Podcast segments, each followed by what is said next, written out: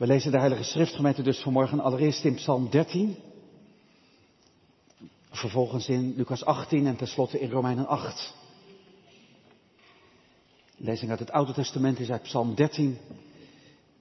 lezing uit het Evangelie is uit Lucas 18. En de apostolische lezing is uit Romeinen 8.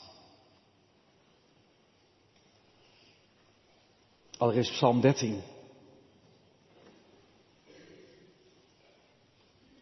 En dat is een psalm van David voor de koorleider. Hoe lang nog, heren? Zult u mij voor altijd vergeten? Hoe lang nog zult u uw aangezicht voor mij verbergen? Hoe lang zal ik nog plannen maken in mijn ziel? Verdriet hebben in mijn hart, dag na dag? Hoe lang zal mijn vijand zich nog boven mij verheffen? Zie mij aan, verhoor mij, Heere, mijn God. Verlicht mijn ogen, anders ontslaap ik in de dood. Anders zegt mijn ziel, ik heb hem overwonnen. En verheugen mijn tegenstanders zich wanneer ik wankel. Ik echter vertrouw op uw goede tierenheid. Mijn hart zal zich verheugen in uw heil. Ik zal voor de Heere zingen, omdat Hij goed voor mij is geweest.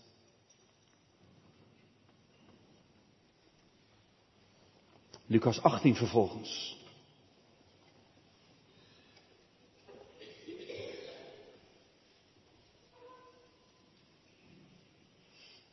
Vers 1 tot 8 lezen we. En hij sprak ook een gelijkenis tot hen. En dat is dan natuurlijk Jezus. Met het oog daarop dat men altijd moet bidden en niet de moed verliezen. En hij zei, er was in een zekere stad een rechter die God niet vreesde. Geen mens ontzag. En er was een weduwe in diezelfde stad. En ze kwam voortdurend naar hem toe. En ze zei, doe mij recht tegenover mijn tegenpartij. En hij wilde een tijd lang niet. Daarna echter zei hij bij zichzelf, hoewel ik God niet vrees en geen mens ontzie, toch zal ik omdat deze weduwe mij lastig valt haar recht doen. Opdat ze niet uiteindelijk komt en mij in het gezicht slaat. En de Heere zei, hoor wat de onrechtvaardige rechter zegt. Zal God dan geen recht doen aan zijn uitverkorenen, die dag en nacht tot hem roepen, hoewel hij hen soms lang laat wachten? Ik zeg u dat hij hun met spoed recht zal doen. Maar zal de zoon des mensen, als hij komt, wel het geloof op de aarde vinden? Romeinen 8 en slotte. Vanaf vers 26 lezen we. En daar schrijft de apostel Paulus, en evenzo komt de geest onze zwakheden te hulp. Want wij weten niet wat wij bidden zullen zoals het behoort. Maar de geest zelf pleit voor ons met onuitsprekelijke verzuchtingen. En hij die de harten doorzoekt, weet wat het denken van de geest is omdat hij naar de wil van God voor de heiligen pleit. En wij weten dat voor hen die God liefhebben alle dingen meewerken ten goede. Voor hen namelijk die overeenkomstig zijn voornemen geroepen zijn. Want hen die hij tevoren gekend heeft, die heeft hij ook tevoren toe bestemd om aan het beeld van zijn zoon gelijkvormig te zijn.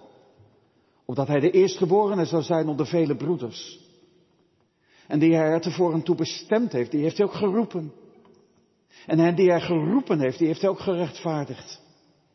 En hen die hij gerechtvaardigd heeft, die heeft hij ook verheerlijkt. Wat zullen we dan over deze dingen zeggen? Als God voor ons is, wie zal tegen ons zijn? En hoe zal Hij, die zelfs zijn eigen zoon niet gespaard heeft, maar voor ons allen overgegeven heeft, ons ook met Hem niet alle dingen schenken? Wie zal beschuldiging inbrengen tegen de uitverkorenen van God? God is er die rechtvaardigt. Wie is er die verdoemt? Christus is er die gestorven is. Ja, wat meer is die ook opgewekt is. Die ook aan de rechterhand van God is. Die ook voor ons pleit. Wie zal ons scheiden van de liefde van Christus? Verdrukking, of benauwdheid, of vervolging, of honger, of naaktheid, of gevaar, of zwaard? Zoals geschreven staat, want omwille van u worden we de hele dag gedood. We worden beschouwd als slachtschapen. Maar in dit alles zijn wij meer dan overwinnaars. Door Hem die ons liefgehad heeft. Want ik ben ervan overtuigd dat nog dood, nog leven, nog engelen, nog overheden, nog krachten, nog tegenwoordige, nog toekomende dingen, nog hoogte, nog diepte, nog enig ander schepsel ons zal kunnen scheiden van de liefde van God in Christus Jezus, onze Heer. Dit is gemeente het woord van God. Zalig allen die het woord van God horen, die het ook in hun harten bewaren en die er ook uit leven. Halleluja. De tekst voor de verkondiging van morgen is Psalm 13.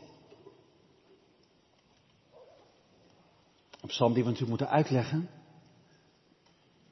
psalm die we vooral moeten zingen met onze mond en met onze harten. Een psalm waar Maarten Luther van zegt, hier vertwijfelt de hoop, maar hier hoopt tegelijk de vertwijfeling. Ik zou zeggen, als we nou een thema moeten hebben voor de verkondiging van morgen, dan is dit het wel. Hier vertwijfelt de hoop, maar hier hoopt de vertwijfeling. Psalm met uh, drie coupletten zou je kunnen zeggen in uh, onze tekst. Vers 2 tot 3 is dan een couplet. Vers 4 en 5 is een couplet en het zesde vers is een couplet. Ik lees het zesde vers nogmaals. Ik echter vertrouw op uw goede. Mijn hart zal zich verheugen in uw heil. Ik zal voor de Heere zingen, omdat Hij goed voor mij is geweest. Gemeente van onze Heer Jezus Christus. Het is crisistijd in Psalm 13. Hebben we eigenlijk wel gemerkt vanmorgen bij het lezen van die psalm. Het is wel een korte psalm. Maar het zijn geladen woorden. Als je ze hoort en, en misschien ook wel als je ze zingt vanmorgen. En dat hoe lang, nou ja, dat klinkt als een, als een mokerslag door de psalm heen. Viermaal wel. Hoe lang, heren? Zult u me voor altijd vergeten? Zult u uw aangezicht, hoe lang zult u uw aangezicht voor mij verbergen? Hoe lang zal ik plannen maken in mijn ziel, verdriet hebben in mijn hart, dag na dag? Hoe lang zal mijn vijand zich over mij verheffen? Hoe lang nog, o God? Psalm 13 is een psalm van David. En, als je die psalm leest, dan denk je, wat moet die man hebben meegemaakt als je dit gaat, gaat bidden, als je dit gaat dichten? Er zijn uitleggers die zeggen dat David dat gedicht heeft terwijl hij op de vlucht is voor, voor Saul. Dat zou natuurlijk heel goed kunnen. Al, al, heeft David op andere momenten in zijn leven natuurlijk ook wel, wel spanning gehad. Hoe lang nog, oh God? Hij voelt zich belaagd, dat in elk geval. Eh, en het ergste is, Waar is God? Wat dat betreft, gemeente, vallen er in de psalm zware woorden. Je zou ze, als je een beetje doorgewinterde kerkganger bent, bijna niet meer horen. Je zou denken, nou ja, dat hoort bij de psalmen, maar, maar, maar denk het u even in. Vergeten. Verbergen. Over God, hè? Hoe lang zal ik nog verdriet hebben, o God? Klachten. Ze klinken bijna als uh, aanklachten. Ja. U vergeet mij, Heer. En, en hoe lang gaat u daar nog mee door? Doet u dat voor altijd? Hoe lang zal ik nog verdriet hebben? En hoe lang duurt het nog dat u uw aangezicht voor mij verbergt?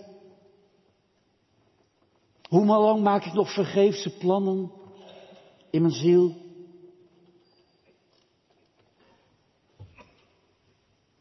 Bijbelwoorden, gemeente, die moet je proeven. Jongens en meisjes van de preekbespreking van dadelijk. Het is natuurlijk best een moeilijke psalm, psalm 13, maar ja, Ik zou zeggen, die woorden die moet je proeven. Ik heb er ook een vraag over gesteld voor jullie. Wat, wat dat dan is, die woorden van God proeven, dat, dat wil zeggen dat je ze niet alleen maar even aanhoort, maar, maar dat je ze ook, ook bedenkt van wat, wat betekenen die woorden nou voor mij? Nou ja, dat moeten we gemeente vanmorgen allemaal doen. Hè? Of je nou 12 bent of 13, of dat je volwassen bent. Dat je die woorden van God proeft. En ik nodig u en jullie er vanmorgen toe uit om, om die woorden met me mee te proeven. Hoe smaken ze eigenlijk? Woorden van, nou ja, zeg pakweg 3000 jaar geleden, dat, dat is maar wat. 3000 jaar geleden. En zonder het nou meteen voor u in te vullen, voor jou. Denk gerust met me mee vanmorgen. Proefde in die woorden bitter en zoet. Bitter. Zonder trouwens meteen te zeggen dat het verbitterd klinkt. Dat, dat dan weer niet. Maar ja, dat, dat viermaal herhaalde hoe lang, dat poets je natuurlijk niet weg. En, en er staat in, in mijn Bijbel dan wel mooi boven, hè, vast vertrouwen op God. Dat is natuurlijk prachtig. Daar, zit inderdaad het zoete van, uh, van Psalm 13. Maar dat begin van de psalm, dat staat er nog steeds. En we zullen dadelijk zingen, het psalm is ook niet zomaar een psalm met een happy end.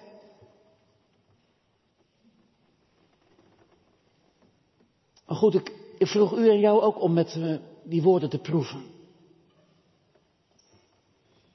Ik zou eigenlijk zeggen, dan, dan moeten we nou vanmorgen eens even de tijd voor nemen. Gewoon voor jezelf. Dan heb je die psalm gehoord en je hebt die psalm gezongen.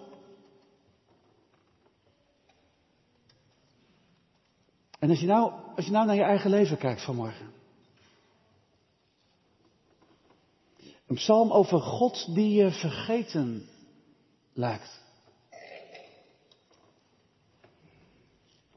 Over God die zich verbergt. Over vijandschap om je heen. Nou ja, zegt iemand, dat wordt wel een zware preek vanmorgen. Zware kost. Nou ja, het is ook crisistijd gemeente. En niet alleen in Psalm 13, hè? Ook vandaag. Dat poets je niet weg. Wij, lezen die woorden vandaag dan wel in een andere context dan, dan David. Maar hoe zit het eigenlijk? Met dat gevoel van Gods afwezigheid. Jongelui, herken je dat? Trouwens, niet alleen jongelui.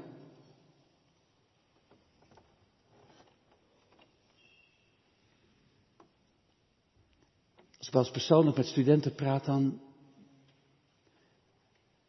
dan ligt het soms zomaar aan de oppervlakte.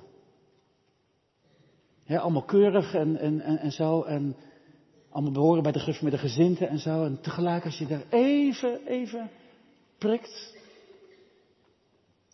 Ja, waar is God eigenlijk? En dat gevoel van vergeten zijn. Het was de week van de eenzaamheid, hè, vorige week. Tegen de eenzaamheid. Hoeveel eenzame mensen zijn er vandaag niet? Misschien bent u er wel zo een of jij? Eenzaam? En, en dan is nog maar een heel klein stapje naar vergeten door God.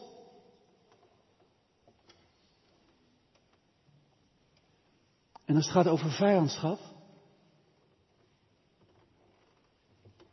Ik vind het natuurlijk heel ingewikkeld, hè, om misschien ook wel om zo'n psalm te zingen over mijn vijanden en zo.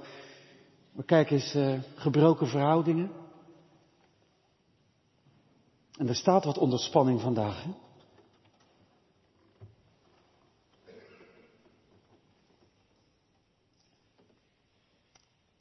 Misschien wel spanning op je huwelijk. Spanning in je gezin, met je kinderen. Of als we een beetje breder kijken, spanning in onze samenleving. Hè? Eerst een coronacrisis en toen een stikstofcrisis, een dreigende schuldencrisis, mensen die hun energierekening niet meer kunnen betalen. En daaronder een, een crisis in onderlinge verhoudingen. Je hoeft maar een kwartiertje Tweede Kamerdebat te kijken en je ziet het. En je kunt soms zelfs in de kerk voelen. Ik merk dat laatst met, met, met bidden voor de overheid. Ik, ik merkte dat ik mijn woorden een beetje aan het wegen was. Ik dacht, hoe komt dat toch?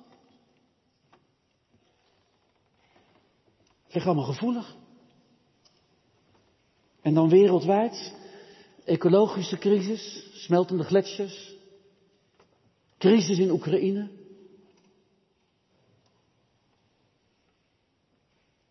We zijn weer terug bij af bij die Cuba-crisis, hè? Dat is onze wereld. En in die wereld horen we vanmorgen Psalm 13. Dan zit ik er toch wel weer een beetje in te vullen voor u, maar vul maar in voor jezelf dan. Want hoe dan ook, die psalm die klinkt in crisistijd. Ik moet er wel één ding bij zeggen. Psalm 13 is geen psalm waar het, waar het bestaan van God ter discussie staat. Ik hoor David niet zeggen, nou ja, er is zoveel ellende, ik stop er maar mee. Met het geloven. Haalt toch allemaal niks uit. Kan trouwens wel, hè, dat er vanmorgen bij ons zijn. Die dat wel denken.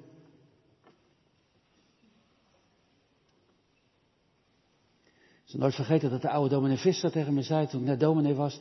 Hij zei, je moet er wel rekening mee houden. Hè? Er zitten ook uh, agnosten bij jou in de kerkbank. En,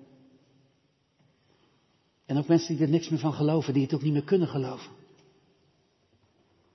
Kijk, als dat je vraag is vanmorgen, ga ik er wel bij zeggen vanmorgen. Als dat je vraag is, of als dat uw vraag is, dan zeg ik, dan moet je niet stoppen met luisteren.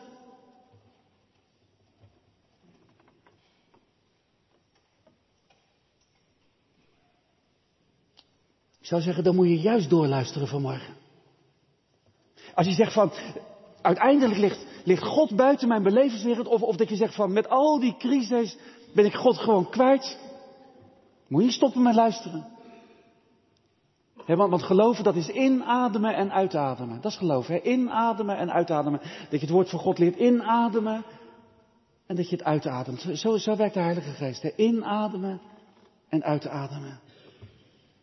Maar ja, ook als je God gelooft, gemeente. Als je hem kent als je vader.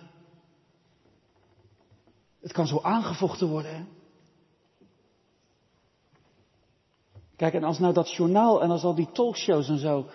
Nou allemaal vol zitten met, eh, met, met al die ellende. Dan kan het je ineens overvallen. Heere God, waar bent u dan? dat je vanmorgen zegt, Heere God, ik wil het wel geloven. Maar ik vind het zo moeilijk. Hoe lang, hoe lang, oh God, hoe lang? Ja, dat eerste coupletgemeente van Psalm 13, dat ligt dichterbij dan je denkt. Maar dan moet je wel doorzingen. Want tot nu toe ging het alleen maar over dat, uh, dat eerste couplet van die psalm. Dat valt natuurlijk wel op hè, met dat hoe lang. Maar, maar er volgt nog een tweede gedeelte op. Een, een gebed. Het eerste gedeelte zou je kunnen zeggen dat is een klacht. Dan komt er een gebed. Is korter dan die eerste strofe, maar niet minder krachtig. Zie mij aan, verhoor mij, Heere mijn God. Verlicht mijn ogen, anders ontslaap ik in de dood. Anders zegt mijn vijand, ik heb hem overwonnen. En verheugen mijn tegenstanders zich wanneer ik wankel. Even opletten. Net, net als in, in dat eerste couplet klinkt daar weer die naam van God. Heere. God van het verbond. Jawel, ik zal zijn die ik zijn zal. En, en, en even als in die eerste strofe gaat het ook weer over vijanden, met vijanden. En, en ondanks alle vertwijfeling, roept David tot God, Heere, ik moet bij u wezen. Zie mij aan, verhoor mij, Heere mijn God. Maak mijn ogen weer helder. Anders zal ik straks zo sterven. Verlos mij van mijn vijanden. Wat dat betreft, gemeente, zou je kunnen zeggen, lijkt Psalm 13 een beetje op die gelijkenis van die onrechtvaardige rechten die we vanmorgen gelezen hebben. Daar gaat het er ook hard aan toe, hè? Daar roept die weduwe om hulp. Er wordt haar onrecht aangedaan. Ze hebben ook vijanden. En ze komt bij die rechter, maar ja, die rechter die ziet er niks in. Want die rechter die denkt bij zichzelf, ja die weduwe, daar, daar, nou ja, daar kan ik niks aan verdienen. Ik moet mijn vriendjes natuurlijk te vriend houden, mijn, mijn invloedrijke vrienden. En die vrouw die houdt vol, elke keer is ze er weer. Hoe lang nog? Zou je kunnen zeggen, hoe lang nog? Telkens staat ze met die vraag, hoe lang nog duurt het voordat u mij recht doet? Ja, zo doet David dat ook in Psalm 13. Zie mij aan, verhoor mij, Heere mijn God. David houdt niet op te bidden, net als die weduwe. Ziet u dat? Dat is belangrijk hè, vanmorgen. David houdt niet op te bidden. Dat je altijd bidden moet, zegt Jezus, en niet de moed verliezen. Dat hè? En dan slot van die psalm. Je zou kunnen zeggen, die strofe is nog korter. En, en, en weer klinkt daar de, de naam van God, net als in die andere twee strofes. Maar, over vijanden hoor je niet meer. Ik echter vertrouw op uw goede tierenheid. En mijn hart zal zich verheugen in uw heil. Ik zal voor de Heere zingen, omdat hij goed voor mij is geweest. Psalm die eindigt met vertrouwen. Met blijdschap. Ik zal me verheugen in uw heil. En ik zou zeggen, gemeente, die woorden die moet je natuurlijk ook proeven vanmorgen. Goede tierenheid, geset. Weer even, jongelui, naar jullie toe. Ik kan me voorstellen dat je dat woord nou niet elke dag gebruikt, hè? Goede tierenheid. Dat is niet een, een, woord uit ons dagelijkse leven. Trouwens, voor, voor niemand van ons eigenlijk. Hè? Dat is nou echt de kerktaal. Goede tierenheid. Het is vooral bijbeltaal trouwens. Bijbeltaal. Of, of moet ik het nog anders zeggen? Het is de taal van Gods hart. Goede tierenheid. Het is de taal van God. Taal van Gods hart. Geset. Je, je, je, zou het kunnen vertalen met, nou ja, met trouw, met liefde, met vriendschap, met genade. Goede tierenheid. Ik hoorde een poosje geleden een uitleg van, eh, van dat woord goede tierenheid. Dat was wel erg op de klank af, maar ik vond het wel mooi. Iemand zei, kijk, als je, als je poos niks in je tuin doet, dan, dan tiert het onkruid er waar je maar kijkt, overal onkruid. Waar komt het vandaan, zou je zeggen? En goede tierenheid, nou ja, dat wil dus zeggen dat, dat de goedheid van God welig. He, waar je maar kijkt, zie je de goedheid van God. Als je, als je het gaat zien, hè, waar je maar kijkt, zie je de goedheid van God. Dat, dat is goede tierenheid. Dat waar je ook maar kijkt, dat je de goedheid van God ziet. Goede tierenheid. En, en dat andere woord, heil, Yeshua staat er dan. Redding, verlossing. Dat zijn al gemeente bijbelwoorden die je niet kwijt moet raken. Jongelui, dat, dat zijn bijbelwoorden die je moet, moet leren. Hè? Nou, net, net zoals dat je uh, Engels en Duits en zo leert en Frans. Moet je ook bijbeltaal leren. Vanmorgen leer je twee woorden. Hè? Goede tierenheid en heil. Er zijn er woorden die zeggen wie God is. Zo maakt God zichzelf bekend als een God van goede tierenheid en van heil. Kan soms lang duren. Dat is ook, eh, ook eh, Lucas 18, hè? Kan soms lang duren. Nou, God laat je nooit lang wachten. Te lang. God zal recht doen, staat er, aan zijn uitverkorenen, die dag en dag tot hem roepen. Al laat hij er soms lang wachten. God is te vertrouwen. Hoor je het? God is te vertrouwen. Want hij is een God van, van goede tierenheid en, en, en van heil.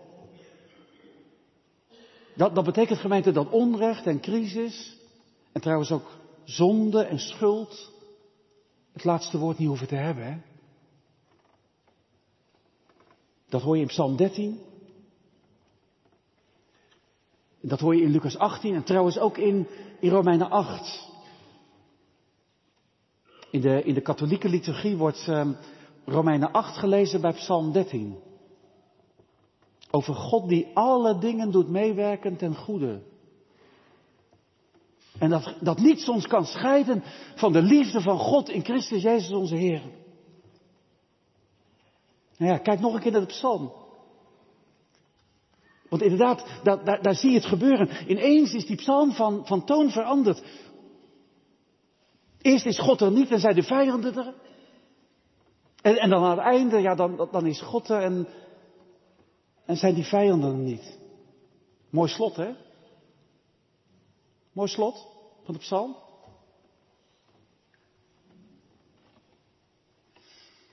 Nou ja, zegt iemand, mooi slot. Maar het gaat allemaal wel erg snel.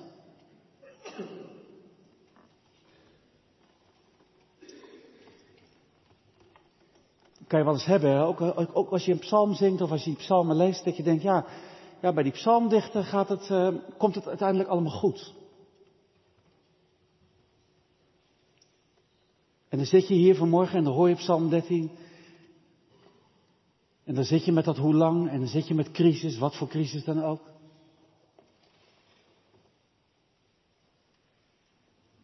Wij weten trouwens niet hoe lang David dat gebeden heeft, hè, dat hoe lang. Staat er niet bij natuurlijk. Maar even over dat slot. Ik vertrouw op uw goede tierenheid. Dat, dat betekent niet dat alle problemen weg zijn. Ida Gerhard die vertelt het heel fijnzinnig. Die zegt, eh, zelf kan ik slechts op uw genade vertrouwen tot mijn hart de vreugde hervindt om uw heil. Zelf kan ik slechts op uw genade vertrouwen, totdat mijn hart de vreugde hervindt om uw heil. Dus ook als je nog midden in die ellende zit, ja dan ook. Dat is nou wat David doet, hè? David is niet van, van nou eerst ellende en dan, nou ja, dan komt het uiteindelijk allemaal goed. Maar David zingt. Hij zingt zich, om zo te zeggen, doorheen. Hij gelooft zich er doorheen. Dat wordt ook bij geloof, hè? Niet alleen maar als meezit en niet alleen maar als je het ziet. Niet alleen maar als God dichtbij is, maar, maar ook, ik zal zijn lof zelfs in de nacht zingen daar ik hem verwacht. Dat hè? Zelf kan ik slechts op uw genade vertrouwen, totdat mijn hart de vreugde hervindt om uw heil. Nou ja, gemeente, zo is die psalm in ons psalmboek terechtgekomen. Als een psalm van David. Voor de koorleider. Psalm voor de liturgie van Israël. En, en, nou ja, zo kunnen wij vanmorgen die psalm ook meezingen. Dan zou ik vanmorgen aan u en aan jou kunnen vragen van, ja, hoe zing je die psalm nou mee?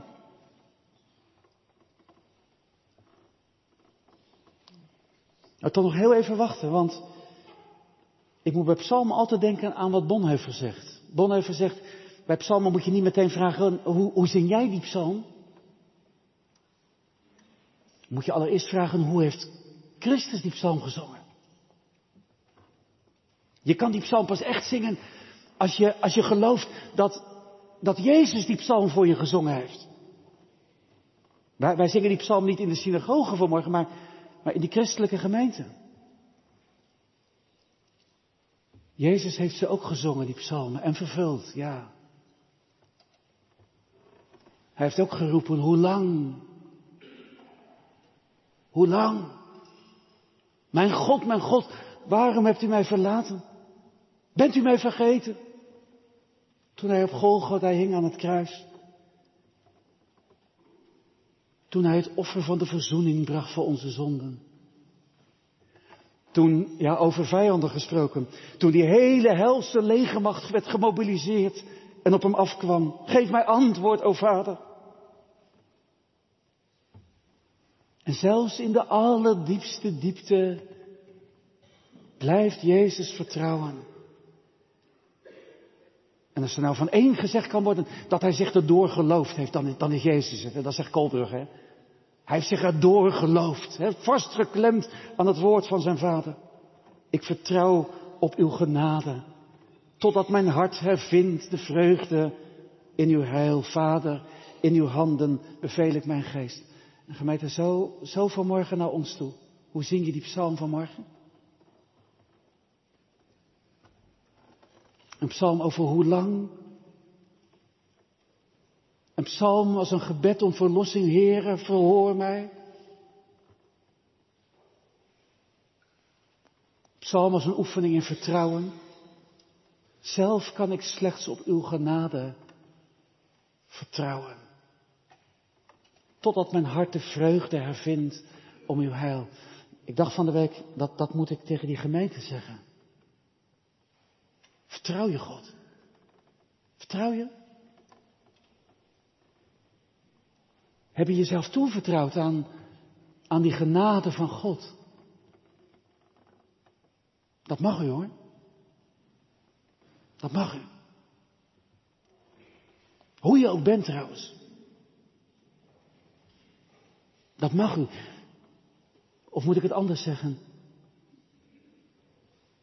Als je dat niet doet, wordt het je dood voor eeuwig. Heb je jezelf toevertrouwd aan God en aan zijn genade? We kunnen soms hele verhalen hebben. Hè?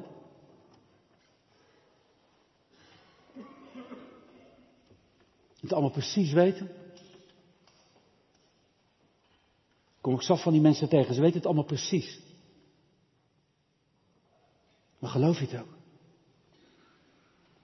Heb je jezelf toevertrouwd aan die genade van God? Hoe je dat doet? Nou, bijvoorbeeld door die psalm vanmorgen mee te bidden. Je zegt, Heere God, u kent mij door en door. Ik vertrouw mij toe aan uw genade. En, en als je hem kent, ja, ja, Heere God, ik vertrouw mij toe aan uw genade totdat mijn hart de vreugde hervindt om uw heil. Ook als ik het vandaag niet zie. Dan geloof ik het nog. Heb je bekering nodig, gemeente? Eén keer? Dat je om zo te zeggen van de afgoden bekeerd wordt tot de levende God. Maar, maar ook elke keer opnieuw heb je bekering nodig. Ja, we hebben bekering nodig. Daar, daarvoor kom je zondag naar de kerk. Dat, dat, je, dat je hart en dat je hoofd weer gericht wordt op God.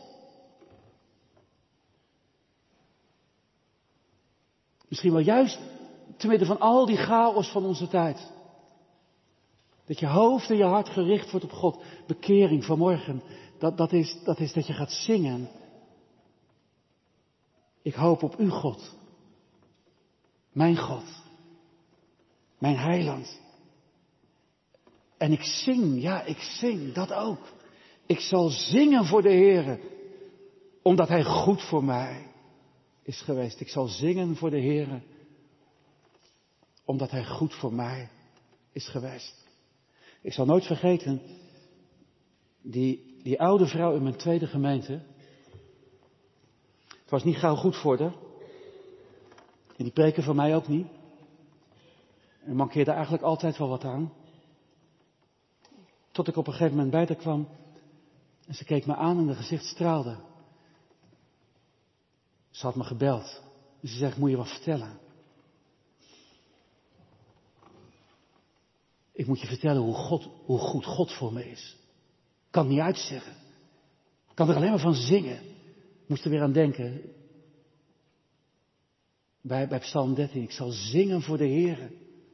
Omdat Hij goed voor mij is geweest. Het zou gemeente ook een hoop gepraat en gekletst schelen, denk u niet? Als we het er eens meer over hebben. Gewoon te beginnen in je eigen omgeving. Als je een gezin hebt met je eigen gezin, je eigen kinderen. Of met je kleinkinderen. Of, of, of met je buurvrouw. Of met, nou, noem maar op. Of zomaar stilletjes in je eentje van vandaag. Zingen voor de Heer. Omdat Hij goed voor mij is geweest. Zingen voor de Heer. Hoe zegt Paulus dat? Ik ben ervan overtuigd. Dat nog dood, nog leven, nog engelen, nog overheden, nog machten. En er zijn er wat, hè? Nog tegenwoordige, nog toekomende dingen. Nog hoogte, nog diepte. Ons zal kunnen scheiden van de liefde van God. In Christus Jezus, onze Heer. dan zingen we toch een loflied vanmorgen, ja. In crisistijd. Tegen alles in, misschien wel tegen jezelf in. En tegen je ongeloof in. En je kleingeloof. En toch een psalm van vertrouwen. En van liefde. En van goedheid. Ik zal voor de Heere zingen. Omdat Hij goed is geweest. Voor mij.